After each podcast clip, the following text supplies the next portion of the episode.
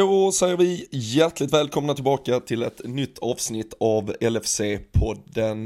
Det är söndag morgon, eller ja, klockan har hunnit bli tio ungefär och eh, vi är på plats i Karlstad där det har varit Liverpool Masters hela helgen och eh, därmed, eh, som man kanske hör, är det med lite där på röst i alla fall efter två fantastiska dagar, kvällar och såklart ett crescendo med den otroliga 9-0-segern som vi eh, fick bevittna tillsammans här med lite drygt 400 supportrar. Så eh, en eh, mäktig, härlig helg som vi nu ska summera från hotellrummet här innan vi rullar vidare ut i landet. Men äh, i vanlig ordning så gör vi avsnittet tillsammans med LFC.se. De har ju också varit på plats här, supporterklubben med framförallt då eh, den, eh, den store ledstjärnan Pelle Enberg i spetsen. Har ju varit väldigt kul här hela helgen med Sam Dodds på besök också, eh, Glenn Hussein med flera. Så många viktiga Liverpool-eldsjälar som man har sprungit på här. Väldigt, väldigt kul också att säkert några som lyssnar här som har varit här i helgen som man har sprungit på och haft kul med också. Så det vill vi verkligen tacka för. Men nu ska vi göra som vi brukar, vi ska sätta oss till rätta ni ska sätta er till rätta och så sparkar vi igång ännu ett avsnitt av LFC-podden.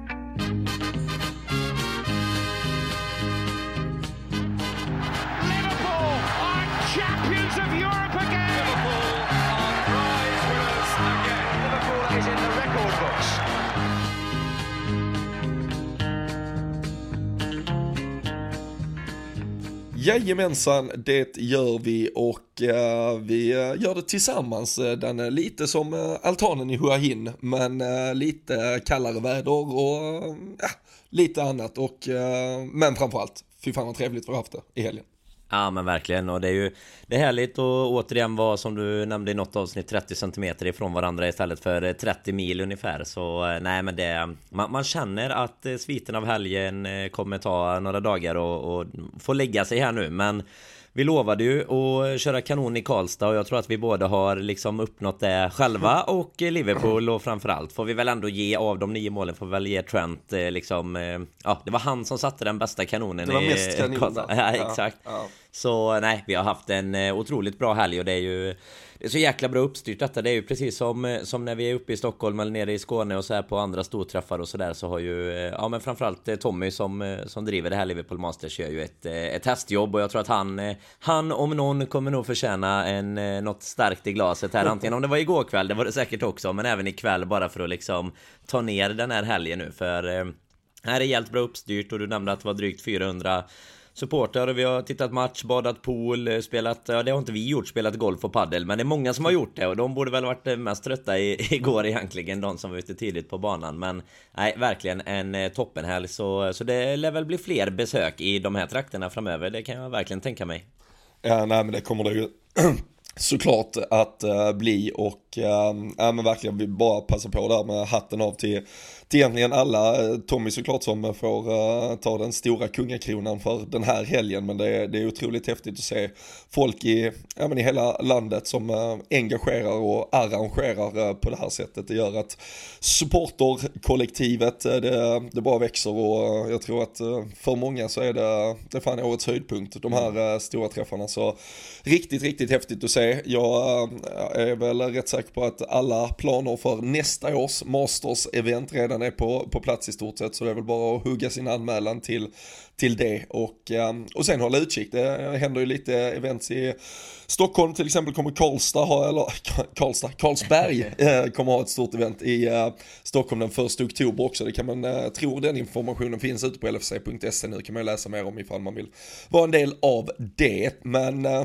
nog om eh, festligheter och eh, arrangemang och annat. Det spelades eh, fotboll som vi fick njuta av till fullo och nästan eh, lite surrealist att man satt bredvid Glenn Hussein som alla i alla fall som spelat Fifa och sådär känner igen kommentaren ifrån att han gjorde det viktiga 8-0 målet i 9-0 segern mot Crystal Palace eh, tillbaka på, på sina glansdagar. Nu fick han eh, från första parkett här då istället se ett Liverpool som återigen vann med 9-0.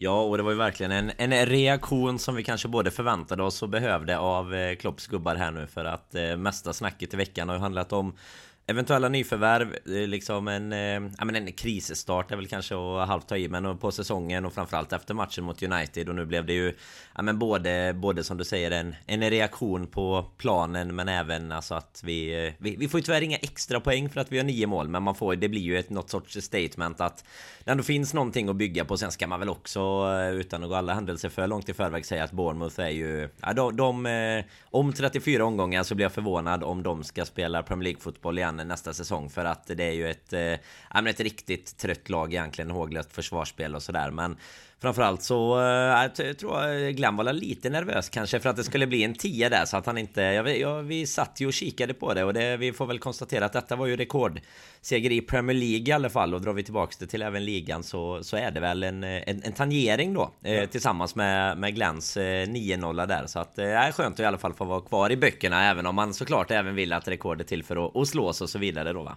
Ja, precis. Han delar ju nu då med Fabio Carvalho att göra det, det viktiga 8-0 målet och eh, jag tror jag tittade lite snabbt på det den största vi någonsin, största segern vi har var en 11-0 seger från 1974 eller något sånt där. Men, eh, men det var ju inte i, eh, ja, det var inte ett Premier League-sammanhang i alla fall och så, och så där. Så det, det är rekordstora siffror och även om man inte får extra poäng så får man i alla fall målskillnad. Mm. Kan notera att vi, trots att detta är säsongens första seger, så har vi samma målskillnad, eller alltså lika bra plus plusmål nu som både Manchester City och Arsenal som har trummat på inledningsvis. Och eh, innan vi går in på Liverpool-matchen så kanske vi bara ska stanna lite vid, för vi satt ju här för några dagar sedan och sa att man kan inte sitta och, och klaga på domare och sådär igen, som United-matchen uh, senast när man ändå själv kanske inte presterar på den nivån som man förväntar sig. Men det var ju ganska frustrerande klipp man tog till sig från City-matchen istället, mm. där Crystal Palace har 2-0 och i det läget kanske får ett regelrätt 3-0 mål bortdömt och Erling Haaland sätter en sula i huvudet på, det är väl Joakim Andersen tror jag också. Ja, jajamensan. Och det är ju det är extra jobbigt nästan för att det blir i det här läget som, som vi satt här så satt ju vi lite, eh, vad, vad ska man kalla det, lite aula-liknande och kikade matchen eh, tillsammans alla, alla 400 här. Och det var ju egentligen bara de, de klassiska plingen i mobilen som gav någon sorts eh, återkoppling på vad som hände på Etihad då. Och där när, eh, när det står 0-2 och då har man ju ingen aning om innan efter matchen, alltså man, vi ser ju egentligen bara att det blir en vändning upp till 4-2 och att det är Haaland då som står för ett hattrick. Men när man sen då eh, möts liksom av ett Twitterflöde också när man liksom ser att det är Alltså framför allt, jag tycker ju att det finns Det är ju någon liten sorts rörelse som, som görs för att eh, stoppa bollen från Ederson i Ja det som skulle varit 3-0 då. Men Ska vi bring up painful memories så är det ju liksom Karius på Benzema i en Champions League-final och sen har vi eh, Sen har vi den foten upp. Och den fattar jag inte riktigt. Alltså det får gärna någon någon förklara bättre för jag har inte sett det någonstans i sociala medier eller någonstans heller varför den inte skulle granskas ytterligare och sådär. För jag menar den är ju Alltså det kan man ju jämföra kanske med en Sadio Mané på en Ederson eh, för, för några år sedan då. Men du har ju också Alltså det, det är ju en helt onödig Alltså även om det inte är med mening och det är det ju sällan kanske Men jag menar det är en helt onödig fot uppe i I huvudhöjd på Andersen där för det är ju Alltså visst att han kastar sig framåt men det är ju från från en, en, vad ska man kalla det, från en höjd där hans huvud i vanliga fall är. Jag menar det är inte så att han är nere vid, i knähöjd med huvudet och får en spark. Så att, eh, nej, lite förvånande att, eh, att han spelar vidare. Och såklart då sen så är det hattrick också. Så att det är inte att det räcker med att det blev ett mål och ett poäng för City eller något utan precis som nu, nu tappar de ju poäng mot Newcastle så sett men de kämpas ju igen eh, från 1-3 till 3-3 och så nu igen då 0-2 till 4-2 det är ju det är lite mer frustrerande än om de bara hade gjort som vi gjorde igår till exempel och bara liksom kört över motstånd. Sen finns det ju kanske något litet hopp i det också att det andra lag ska kunna skaka dem men eh, utan att liksom ha sett matchen i sin helhet då såklart i och med att den var samtidigt så eh, så, så får man, alltså det är lite jobbigt. Det finns ju något problem även hos City, men det är lite jobbigt att det, eh, de gör det som vi inte lyckades med i våra matcher och faktiskt vänder på, på steken istället och tar poängen då.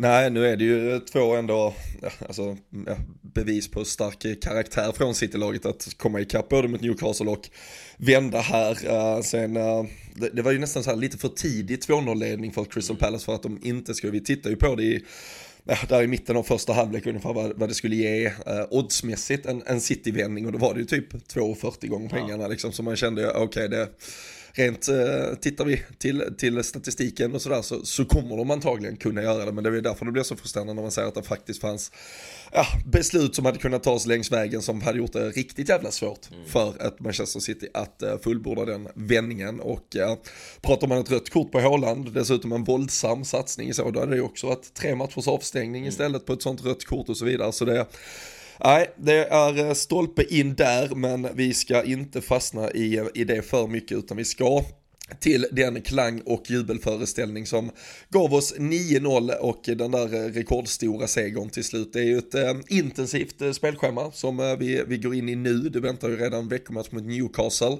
Där eh, hade, hade det varit omvänt så vet jag att Klopp hade varit arg för yeah. Newcastle spelar ju idag, söndag, medan vi då redan har fått lite drygt ett dygn att eh, rehabilitera oss och så är det ju vi som spelar på hemmaplan dessutom. Newcastle spelar borta mot Wolves idag och ska spela borta mot eh, oss på, eh, på onsdag. Nu får vi väl se lite hur eh, starka de är mot Wolves. Vi får se Alexander Isak om han mm. går in och gör um, debut direkt. Det verkar väl så med tanke på Callum Wilson out. Uh, skrivet i stjärnorna att han sänker oss på onsdag nu eller? Ja men det känns väl lite som att det skulle kunna bli årets prestation eller kanske karriärens prestation från hans sida men eh, nej vi, vi får, man får väl se vi ska ju sätta oss på tåg här om, eh, om någon timme eller två så får man se vad, vad man, eh, ja, wifi och sånt på på, det kallar man det även det, kollektivtrafiken. Tänkte jag säga var lokaltrafiken men det, det brukar ju vara lite hackigt. Men vi, man ska se hur mycket man kan scouta av, eh, av Newcastle där, man är väl hemma lagom till eh, Spurs i eftermiddag men eh, Nej, jag...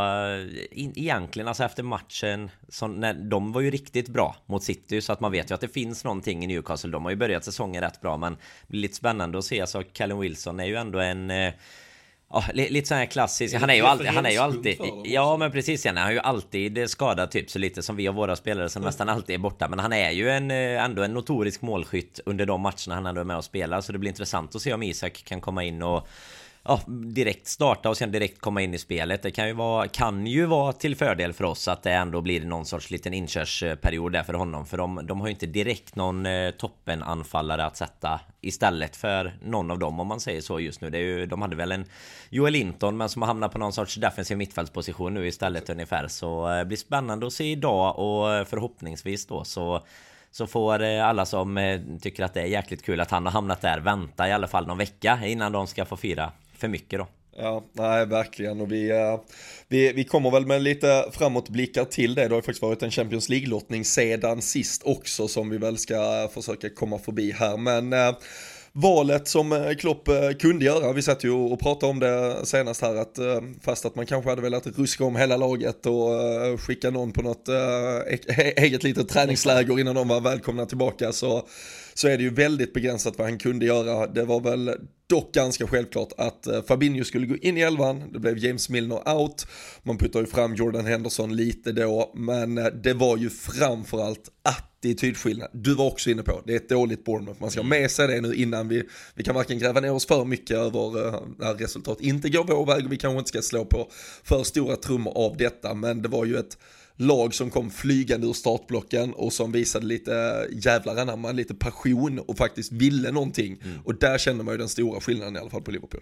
Absolut, och det, det var ju direkt ända från början. Alltså det tar ju inte många minuter innan vi Innan vi dels får in bollen och gör 1-0 och det tar egentligen inte så lång tid innan vi gör 2-0 heller. Men alltså just att, eh, att vi kommer ut och verkligen har eh, full gas egentligen. Det var ju väl den absolut största skillnaden från matchen på Old Trafford också. När vi egentligen möter också ett lag som som var i lite, ja, hade sina problem och där vi istället själva nästan blir överrumplade på samma sätt som, som ett Bournemouth blir. Jag menar de är ju förberedda på att det här ska hända när de kommer till Anfield. Men ändå så är ju, är ju kvaliteten så pass stor när vi väl får igång det sen är det klart att de med, med 2-0 på en typ 5-6 minuters period så är de ju ganska Redan där har man ju gett upp dagen undrar hur man ska klara ungefär 90 minuter till så sett men Det är ju precis som du är inne på alltså man, man fick ju se en skillnad i attityd men man fick ju också alltså någon sorts eh, revanschlusta måste det ju också varit. För jag menar den här veckan har ju kanske för, ja men typ första gången nästan, alltså någon eh, såklart under Klopps eh, perioder och även givetvis finalförluster som är tunga psykologiskt och sådär. Men denna veckan har ju ändå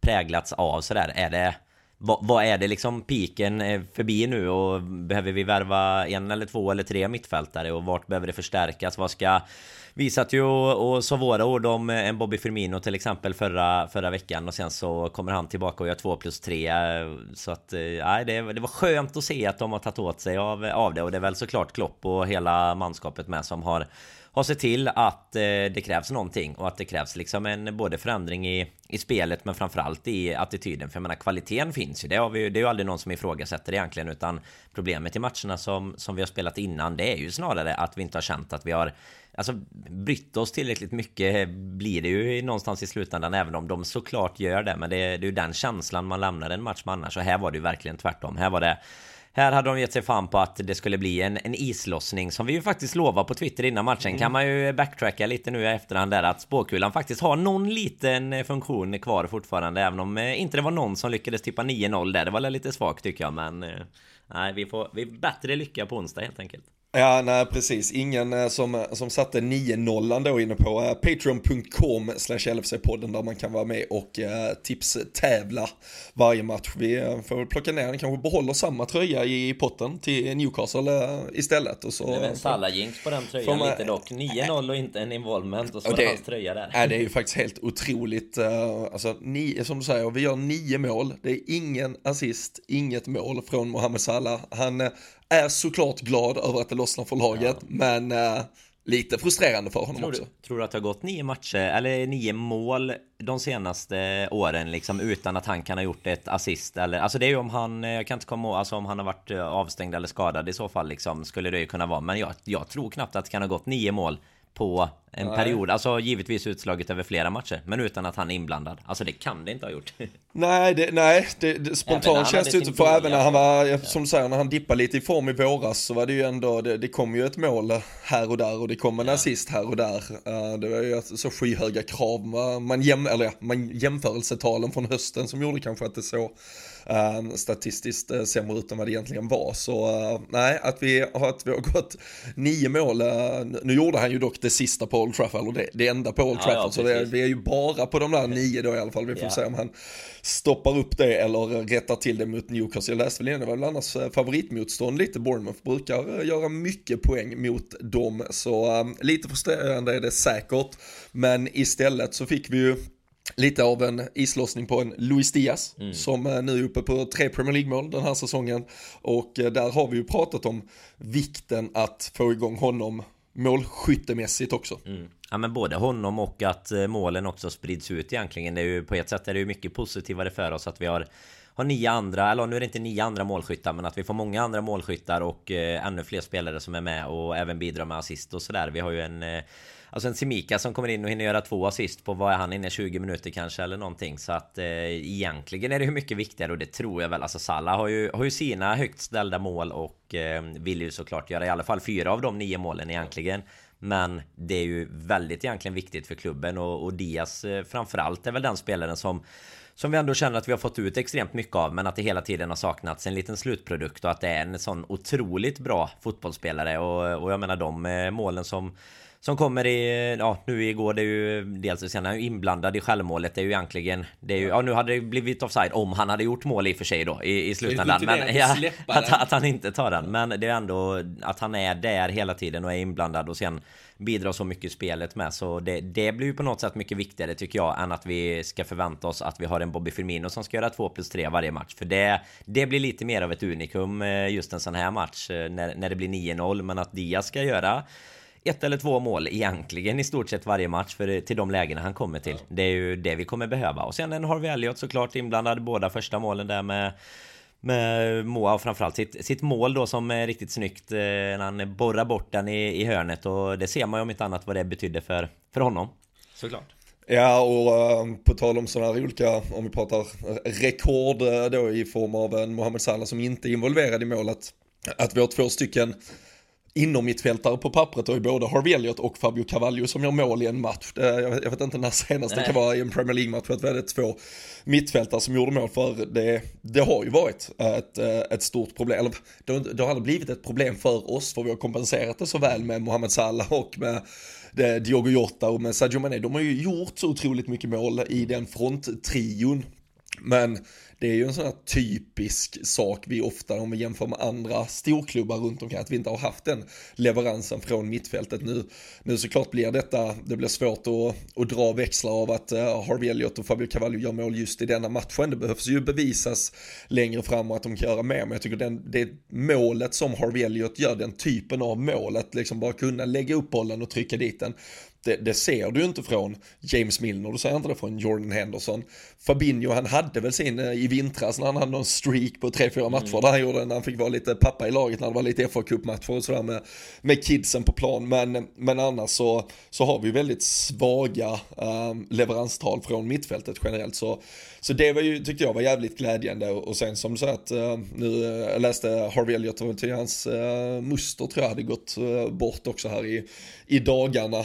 så det var väl lite det också att, alltså det var mycket känslor på, mm. på många sätt och vis också.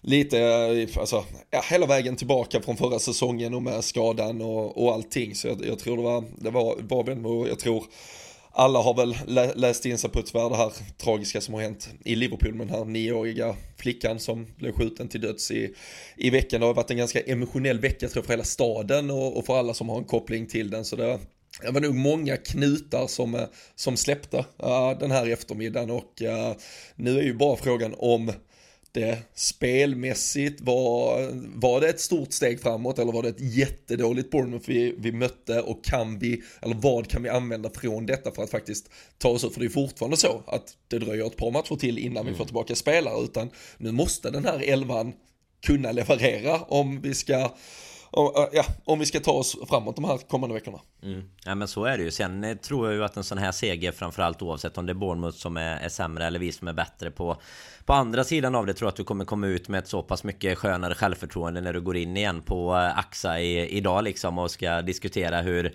hur gårdagen var kontra när det var eh, ett Old Trafford eller när du har tappat poäng mot som man ändå får säga att man gör oavsett hur matchbilderna ser ut då mot Fulham och Crystal Palace så, så är det klart att du har ju en Även om det är en kort tid fram till nästa match nu så har du ändå eh, liksom det att bygga vidare på. Du ska till Anfield igen och spela eh, med liksom de bra erfarenheterna som, som detta och givetvis tidigare matcher gav.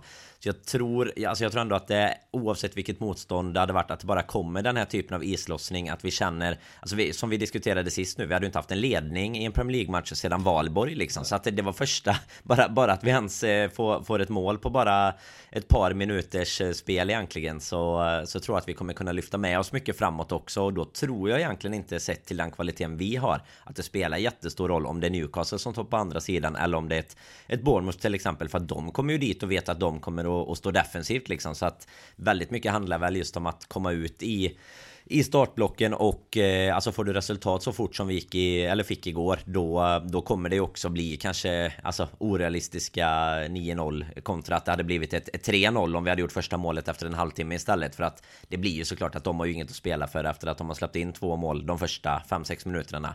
Men eh, det är, ju, det är ju det vi kommer få se nu på, på onsdag och sen till nästa helg om eh, det här är någonting som vi som vi också lyckas ta med oss och bygga vidare på. Nu fick ju Elliot gå ut där i halvtid. Det var väl eh, såklart för nu, vad vi vet i alla fall ingenting annat än att han bara ska vara, vara redo inför nästa match. Det, det kommer ju vara ett tätt spelschema nu som sagt. Jag såg någon, någon tweet där någon hade lagt upp hela eh, september och oktober nu och det är ju det är många matcher nu. Vi är ju långt ifrån unika med, med det, men det kommer ju vara två matcher i veckan eh, ända fram till VM där i, eh, i november då så att jag menar det Nej det kommer behövas och vi kommer ju Nu blir det ju Nu kommer det gå ganska snabbt såklart innan vi kan få tillbaka en Darwin Nunes och nu är det ju bara denna veckan som är framför oss Sen kommer vi ha spelat bort de matcherna och sen börjar ju lite Champions League och sådär också men eh, just nu till i alla fall de två matcherna vi har framför oss så är det ju egentligen, jag kan ju inte se någon förändring som ska göras i, i elvan mer än om han eh, på något sätt skulle få något hjärnsläpp igen och vilja ha Milner in istället för en Fabinho. Men det, det kommer ju inte hända utan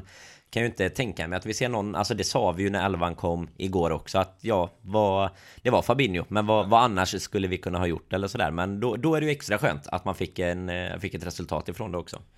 Ja, ja men verkligen och uh, det blir väl intressant att se nu. Nu hade vi ju John Henry och uh, familj, eller Linda Pisuti mm. i alla fall. Uh, vi, man hade ju nåtts av infon tidigare att de skulle vara på plats och se detta. Jag sa till dig, hur lång tid tar det innan vi får se Linda lägga upp en bild från en, ja. ett soligt Anfield med en röd klänning och den kom ganska snabbt.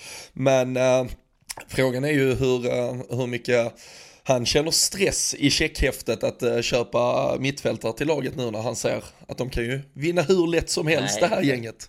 Så fort, så fort han kommer dit så eh, levererar de och visar vad som gäller och Harvey Elliot är ju like a new signing och alltihopa så att det, det är inget som behövs. Nej, kanske var, eh, har vi har vi turen så var det väl eh, checkhäftet framme innan matchen här redan och skrevs ut till, eh, till Klopp och grabbarna så att eh, det redan var gjort. Så du hade ju någon liten spaning där på att det kanske inte ens rörde sig om att det var, var värvningar på gång utan att de brukar vara över vid den här tidpunkten på året ungefär. Det var, var mer än vad jag kommer ihåg. Men man vet ju att de brukar vara över några gånger per säsong. Och kanske ligger någon liten semestervecka här för John Henry i, ja. slutet på augusti. Ja, det, han har nog uh, både råd och tid att ta semester lite när, när helst han önskar. Men uh, det kommer bli uh, intressanta dagar. Uh, vad har vi? Lite drygt uh, tre dagar kvar på, på transferfönstret. Klopp adresserade problemet i, i slutet av veckan och sa väl li, lite halvsyrligt och sådär. Ibland kan det vara lite, framstå lite bitter kanske ja. i sådana sammanhang. Men där liksom, okej, okay, ni hade rätt, jag hade fel, visst, vi behöver en mittfältare.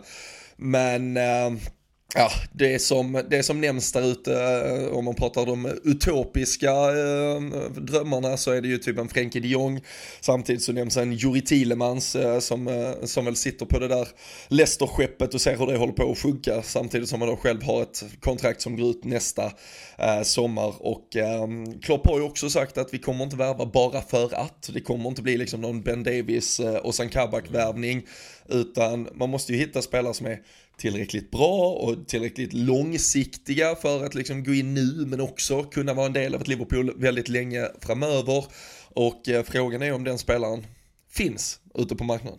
Nej, det är ju det som eh, kommer återstå att se de sista tre dagarna för det är ju jag, jag, det, de är verkligen, det var ju den gången som du säger, det är ju Kavak och eh, det är Davis. Det var ju den gången vi kände att nu, nu är det panik, vi måste göra någonting. Alltså vi, vi behöver liksom spelare ha in. Alltså tittar man på våran bänk igår och senaste matchen så känner man ju ungefär samma sak. Att vi skulle kunna ta in precis vad som helst. Vi kan till och med svär man i, i Robins rum här och allt Men alltså en Oxlade skulle ju till och med vara välkommen tillbaka och sitta på bänken Tro, mm. Tror jag till och med att du hade kunnat eh, tänka dig i det här eh, fallet I alla fall istället för att ha en, eh, två keepers på, på ja. bänken Det känns ju Det känns ju liksom bara det är ju ett bevis på att det saknas något Men sen Sen tror jag också lika i den, den liksom tjurskalligheten som Klopp ändå brukar visa i de här sammanhangen Så tror jag att det är lika mycket därifrån är viktigt att poängtera att vi inte värvar för att bara för att om man säger så utan att det är någon som ska in. Men samtidigt är det väl så här att det, det, är klart att det någonstans finns en spelare, alltså lite du drog upp det här sökfiltret på scouterna förra veckan. Alltså Det ska vara bättre än eh, Milner och Henderson, man ska kunna eh, skjuta som eh, Harvey Elliot och liksom du ska vara tillgänglig i alla fall 25 plus matcher på säsongen. Ja. Det finns ju någonstans, alltså en Tillemans till exempel är ju en sån värvning som jag skulle se som det, Där har du lite mer av den här Okej okay, vi behövde ta in någon, han var, han var tillräckligt bra. Medan en de Jong såklart skulle vara snarare en, en riktig profilvärvning i liksom, ja men Nunnes klassen i, i liksom i vilka olika vilka olika fack du ska sätta in dem i men, eh, men att något kommer värvas det vågar man nästan lova en, en bomb här. Sen är det ju, sen är det ju match i slutet där av fönstret. Så. Uh, nej, jag, nej jag, fan, jag, jag, jag har svårt att se eh, vem det skulle vara och hur det skulle lösas men eh, att, att det borde lösas, det, det tycker jag väl äh, absolut. Men tror du inte när Klopp går ut som han går ut och pratar så här att nu, ja ni hade fel, eller nej, jag, jag hade fel, ni hade, ni hade fel, ja, jävlar, håll käften. Han ändrar ju sig till det nu efter ja, Efter 9-0 ja. ja. Tycker ni fortfarande vi behöver någon? Nej men jag tror, frågan är om man hade gått ut och pratat på det sättet om det inte ändå var något som låg ganska nära till hands för att det är ju annars vet man ju hur det är på, på imorgon då måndag när eh, de är i England. Eh, de ringer ju varandra definitivt inte på helgerna. Då är det inga kontorstider. Men när de ringer 9.30. Exakt. När de får ett fax imorgon bitti då är det så här. Jaha, är det Liverpool som vill köpa? Okej, men då, vänta, då ska jag bara byta prislista här. Alltså ja. om man vet att man är ute i en i liksom en paniksituation och det är där jag tror att vi inte riktigt det är där vi inte kommer handla, alltså vi kommer inte ge de Jong-pengar för Tilem, alltså om man, om man säger i de termerna utan då ska det också, då kommer det också till att det ska vara rätt pris någonstans och, och det tycker man ju egentligen är superrimligt man, det är ju svårt att hålla två tankar i huvudet där nästan för att man tycker ju på ett sätt att det är superrimligt att man inte ska överbetala för någon men samtidigt gör ju dels gör ju alla andra det alltså bara nämnde Isak liksom 800 miljoner svenskar nästan och sen då eh, så är, så är det ju skitsamma i slutändan för oss och har klubben råd så spelar det ju liksom ingen roll och för dig eller mig eller någon annan som som lyssnar på det här så spelar det ingen roll om vi skulle betala 300 miljoner eller 800 miljoner för en Juri Tillemans hans liksom. För bara, bara han kommer in och gör ett bra jobb, sen är det såklart att du kommer med olika förväntningar och sådär. Men i slutändan spelar det ju ingen roll. Eh, så länge du får avkastning på, på spelaren i fråga om man säger så. Nej, så, så är det ju absolut. Uh, sen, uh, sen vet vi ju att uh, just vår klubb, just vår klubb drivs inte utifrån någon, någon form av bild där, där pengar kan användas hur som helst. Och det är väl, det får man ge dem rätt i många av fallen, men vi vet alla hur frustrerande det kan vara när man känner som, som nu att det kanske måste ageras och um, jag vet jag tycker också att alltså, sättet han uttrycker sig där i förra veckan i slutet så det, det låter ju som att något kommer att hända. Men um, ja, jag, jag har ändå lite svårt uh, att se vad det sen, och sen det här att han pratar om att det ska vara en spelare som vi, vi tror på långsiktigt, det handlar ju också om att att för att kunna sälja in det till nästa spel, alltså om det då är en Juri Tillemans till exempel, nu, nu har vi fastnat vid det namnet, det, det kanske inte alls så att det, det blir, blir honom, men det, det, är väl också, ska du gå till honom med ett kontraktsförslag så är det väl bättre att du har gått ut i om man säger, i, i de kanaler du har i alla fall och pratat om att den vi ska ta in, det är faktiskt någon vi tror på mm. och väldigt mycket. Uh, hade man liksom varit i stort sett och, och basunerat ut att nej men vi ska bara ha in någon som kan rädda oss uh, närmsta veckorna, då kanske inte den spelaren är skitsugen.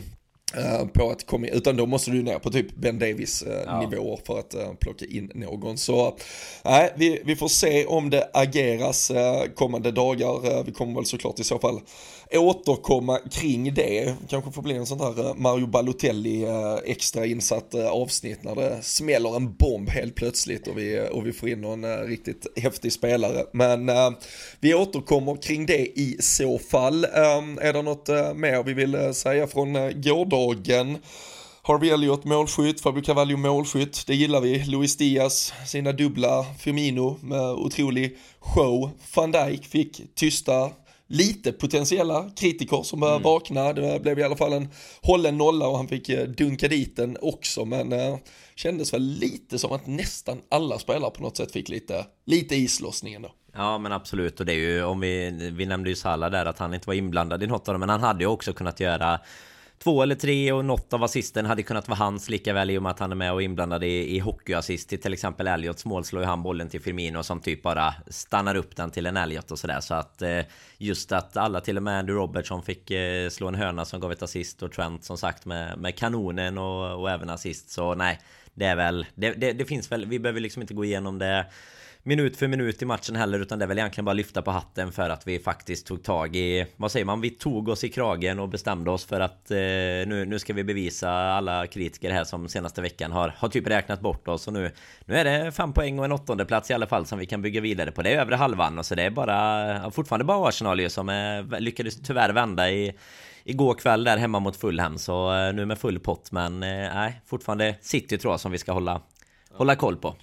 Ja, det var ju uh, lite drömläge där i, efter en halvtimme av klockan uh, fyra matcherna när uh, Chelsea fick rött kort och City under med 2-0 och vi hade väl redan gjort typ 4-0 ja. i stort sett. Så där kändes det ju som att det kunde bli en riktig jävla superjackpot men vi, vi är väl i ett läge också där vi ska fokusera jävligt mycket på vad vi själva gör Absolut. just nu. Och sen får vi ge det några månader innan vi börjar titta och tänka eh, kring eh, övriga lag särskilt mycket. För nu är det bara att vara kvar uppe på hästen, eh, vara, vara kvar på winning ways, Newcastle på onsdag som sagt och sen derby mot eh, Everton eh, nästa helg. Så det viktiga matcher, viktiga poäng och eh, det lottades ju även Champions League, du var inne på mm. det tajta spelschemat som eh, vi nu kliver um, in i, eller den period vi nu kliver, kliver in i där det kommer vara extremt mycket matchande och i det så är det ju sex stycken gruppspelsmatcher i Champions League som ska in och i torsdags i förra veckan så um, lottades grupperna och uh, vi fick uh, Ajax, vi fick Napoli och vi uh, fick, uh, höll på, Ben Davis Derby. Höll, höll på att tappa Rangers här också men... De snackar lite för lite på Simor om The Ben Davis Derby ja, jag med faktiskt. Rangers. Jag vet inte, det var mycket fokus på Håland men det är väl så. Vissa spelare syns mer och vissa glömmer man av lite mer. Ja men exakt, men um, reflektioner och reaktioner på den gruppen vi fick. Nej, första spontana var ju att fan också Napoli igen. Det är ju riktigt tråkigt men Nej, alltså tittar man på, alltså det finns ju egentligen nästan ingen grupp vi går in i från eh, på två som vi, vi inte ska kunna förvänta oss att gå vidare ifrån. Det var väl eh, den eh, som de pilsen hamnade i med Inter och Barcelona och Bayern. Alltså hade man hamnat i den då med både ett, ja då hade ju vi varit där istället för ett Barca så att Bayern och Inter då skulle jag se det som tuffare. Annars är det väl alltså en blandning tycker jag mellan en tuff grupp och en grupp som vi ändå ska relativt komfortabelt kunna ta oss vidare från. För Rangers är ju inte vad, vad vi liksom som är uppväxta med Henrik Larsson i Celtic och alla de derbyna mot Rangers. Det är inte riktigt samma Rangers eh, idag såklart. Och eh, så där är ju, där kan, tycker jag man ska räkna med 6 poäng liksom. Sen är det egentligen bortamatcherna mot eh, Napoli. Det är ju första matchen då. Så den, den är ju den tuffaste tycker jag. Sen en bortamatch mot Ajax beroende på hur deras säsong har artat sig. Men att vi, att vi ska kunna ta i alla fall mellan 12 och 15 poäng. Och det ska ju, tar vi 15 så räcker det ju till att vinna gruppen. Men 12 eh, så, så kan, ja det ska väl också räcka till en,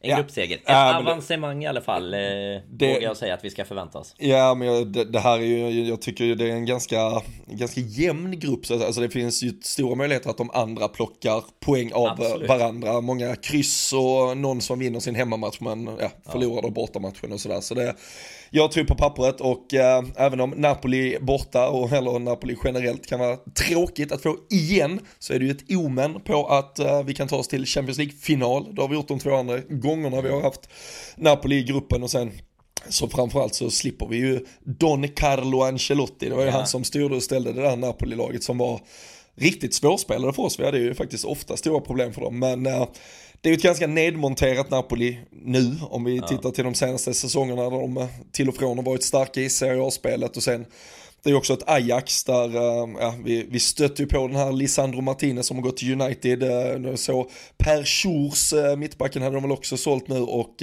Anthony ryktas ju också till ett United till, ja. till exempel. Så det kan ju vara ett mer decimerat Ajax också när vi väl ska möta dem.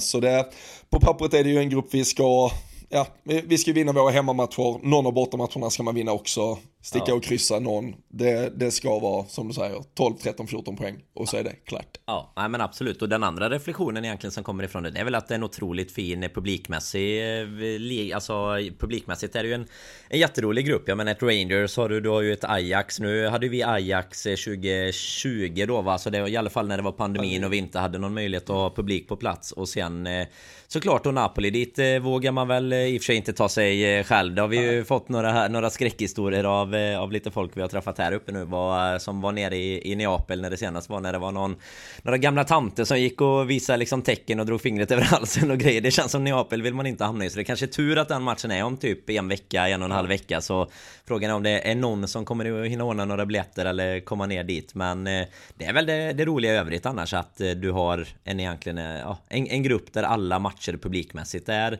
är roliga. Och jag vet ju att bland annat du och ja, med våran kallar vi honom? Den självutnämnde Europaguden. Vi nämner ju honom i de sammanhangen ibland men eh, Jocke Lundberg har ju redan bokat eh, i alla fall eh, Amsterdam i slutet på oktober va? Det är, våran, är det våran sista, näst sista match eller sista? Uh, sista måste vara Napoli. Ja, ja, näst sista matchen uh, måste det väl vara typ 25 oktober eller något sånt. Men uh, nej, men det är väl tanken att vi, uh, att vi sticker ner på den och försöker säkra gruppavancemanger då kanske så har man det avstökat och, och färdigt inför VM-uppehållet. Men det är det ju, ur ett supporterperspektiv så är det ju en grymt häftig grupp. Som sagt, Napoli det, det är ju synd, det är ju tyvärr förknippat med ren och skär jävla livsfara att röra sig som som supporter till ett äh, motståndarlag i, äh, i Neapel så äh, den får man väl undvika. Rangers kommer ju ja, innebära en invasion av Glasgow mm. med, med tågen som bara kommer rulla rakt upp i, ja, genom norra England och vidare så, så den kan ju säkert bli, där finns ju Liverpool har ju egentligen snarare med Celtic lite av ett vänskapsband yeah. och Rangers är ju lite mer förknippat med lite, lite Tory, lite, det är lite, lite mer höger. Uh, så um, det... Den trodde, ju våra, den trodde ju våra arrangörer här på plats i alla fall att den skulle kunna bli lite stökig. Ja. Eh, pratar de om ju Glasgow just för att skulle vi mött Celtic hade det varit liksom eh, The friendly det, derby, Verkligen, liksom. alltså alla verkligen med armarna omkring varandra och mycket half and half och sånt. Det är nog inte på riktigt samma, samma nivå här men eh, väldigt, alltså det är ju en rolig rolig det, det är en väldigt rolig match ändå för britterna blir det ju. Alltså just ja, att du får en den matchen för Rangers är det ju en...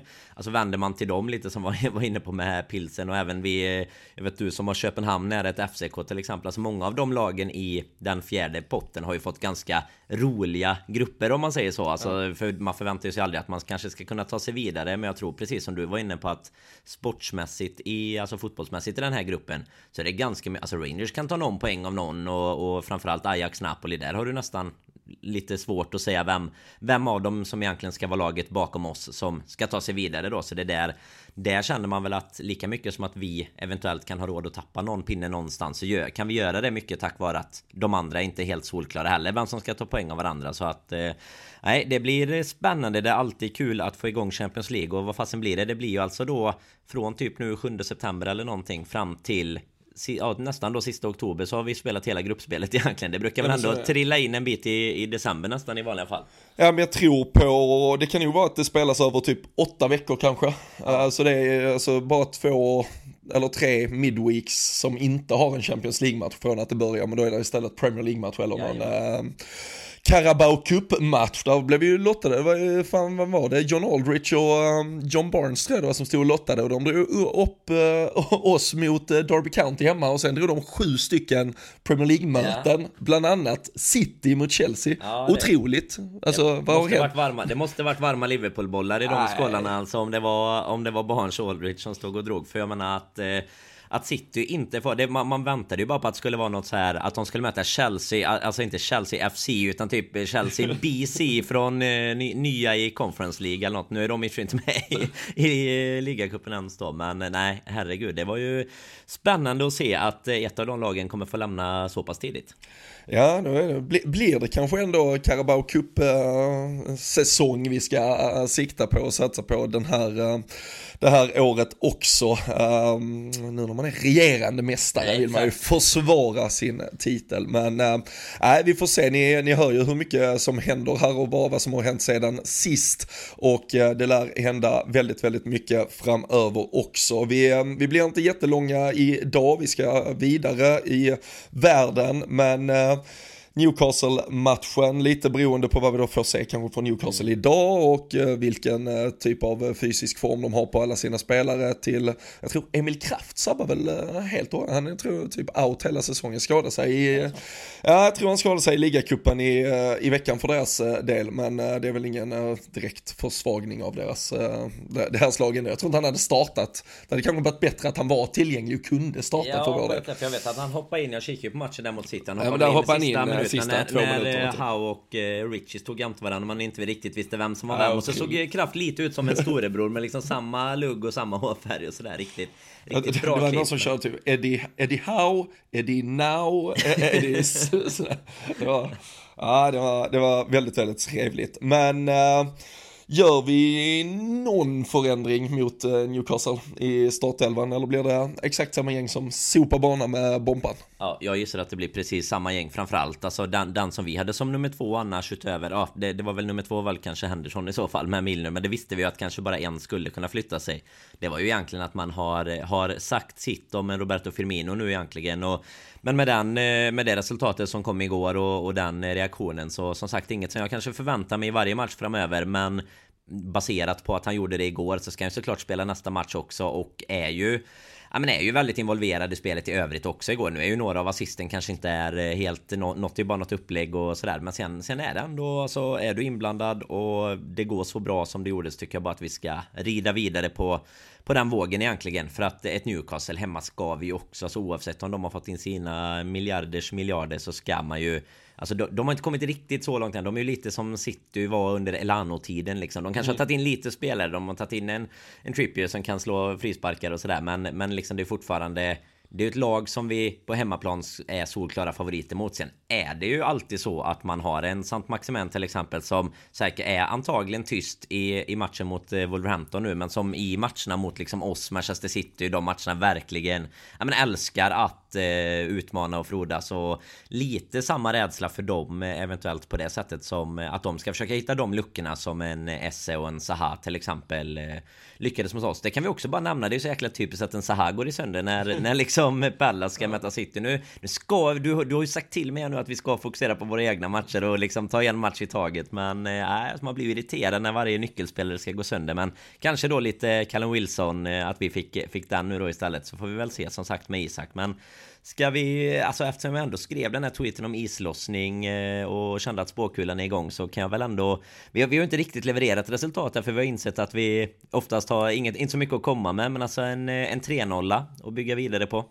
Alltså, ja det, det, är ju, det är ju taget eh, i så fall. Jag satt bara och kikade hur hur Newcastle hade sen till helgen här, de har Crystal Palace hemma på lördag om man pratar lite i förhållande till att de då spelar de spelar ju alltså söndag, onsdag, lördag för deras del. Uh, och uh, med Liverpool borta där som är klart tuffast i, i en drömvärld så hade de ju till och med så sparat kraft mot, alltså de känner här, den förlorar vi nog ändå. Ja, så vi kan nästan lite gå på halvfart för att sen vara redo för Crystal Palace hemma på, på lördag. Lite men... så som att man ofta tycker att folk gör mot City. Alltså att känslan är att känslan de gör det mot att, City. Att, att de gör det alltid, ja, alla Ja men exakt, ja men jag menar som Bournemouth kanske lite, alltså det är som sagt när de hade släppt in två mål efter 5-6 minuter så var det ju så här, ja ja men då då försöker vi inte skada oss istället och så får vi bara rida ut den här stormen och tyvärr för deras del var ju vi i lite samma läge som United var eh, när de mötte oss. Alltså att man var ju så här, vi, vi behövde verkligen en reaktion nu istället och då blir det bara en överkörning. Men jag kan ju tänka mig att Newcastle om det är någon som är lite, ja men du vet lite så här halvskadad eller någonting, ja men då kanske du inte vill offra dem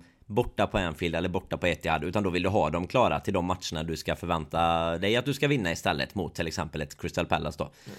Så nej, vi får väl, eh, får väl Vi hoppas här. det. Vi, vi hoppas det i alla fall. Men uh, vi, eh, vi, ska, vi ska göra vårt och vi ska göra allt för att kunna besegra Newcastle. Och uh, Daniel Forsell tror att det blir 3-0.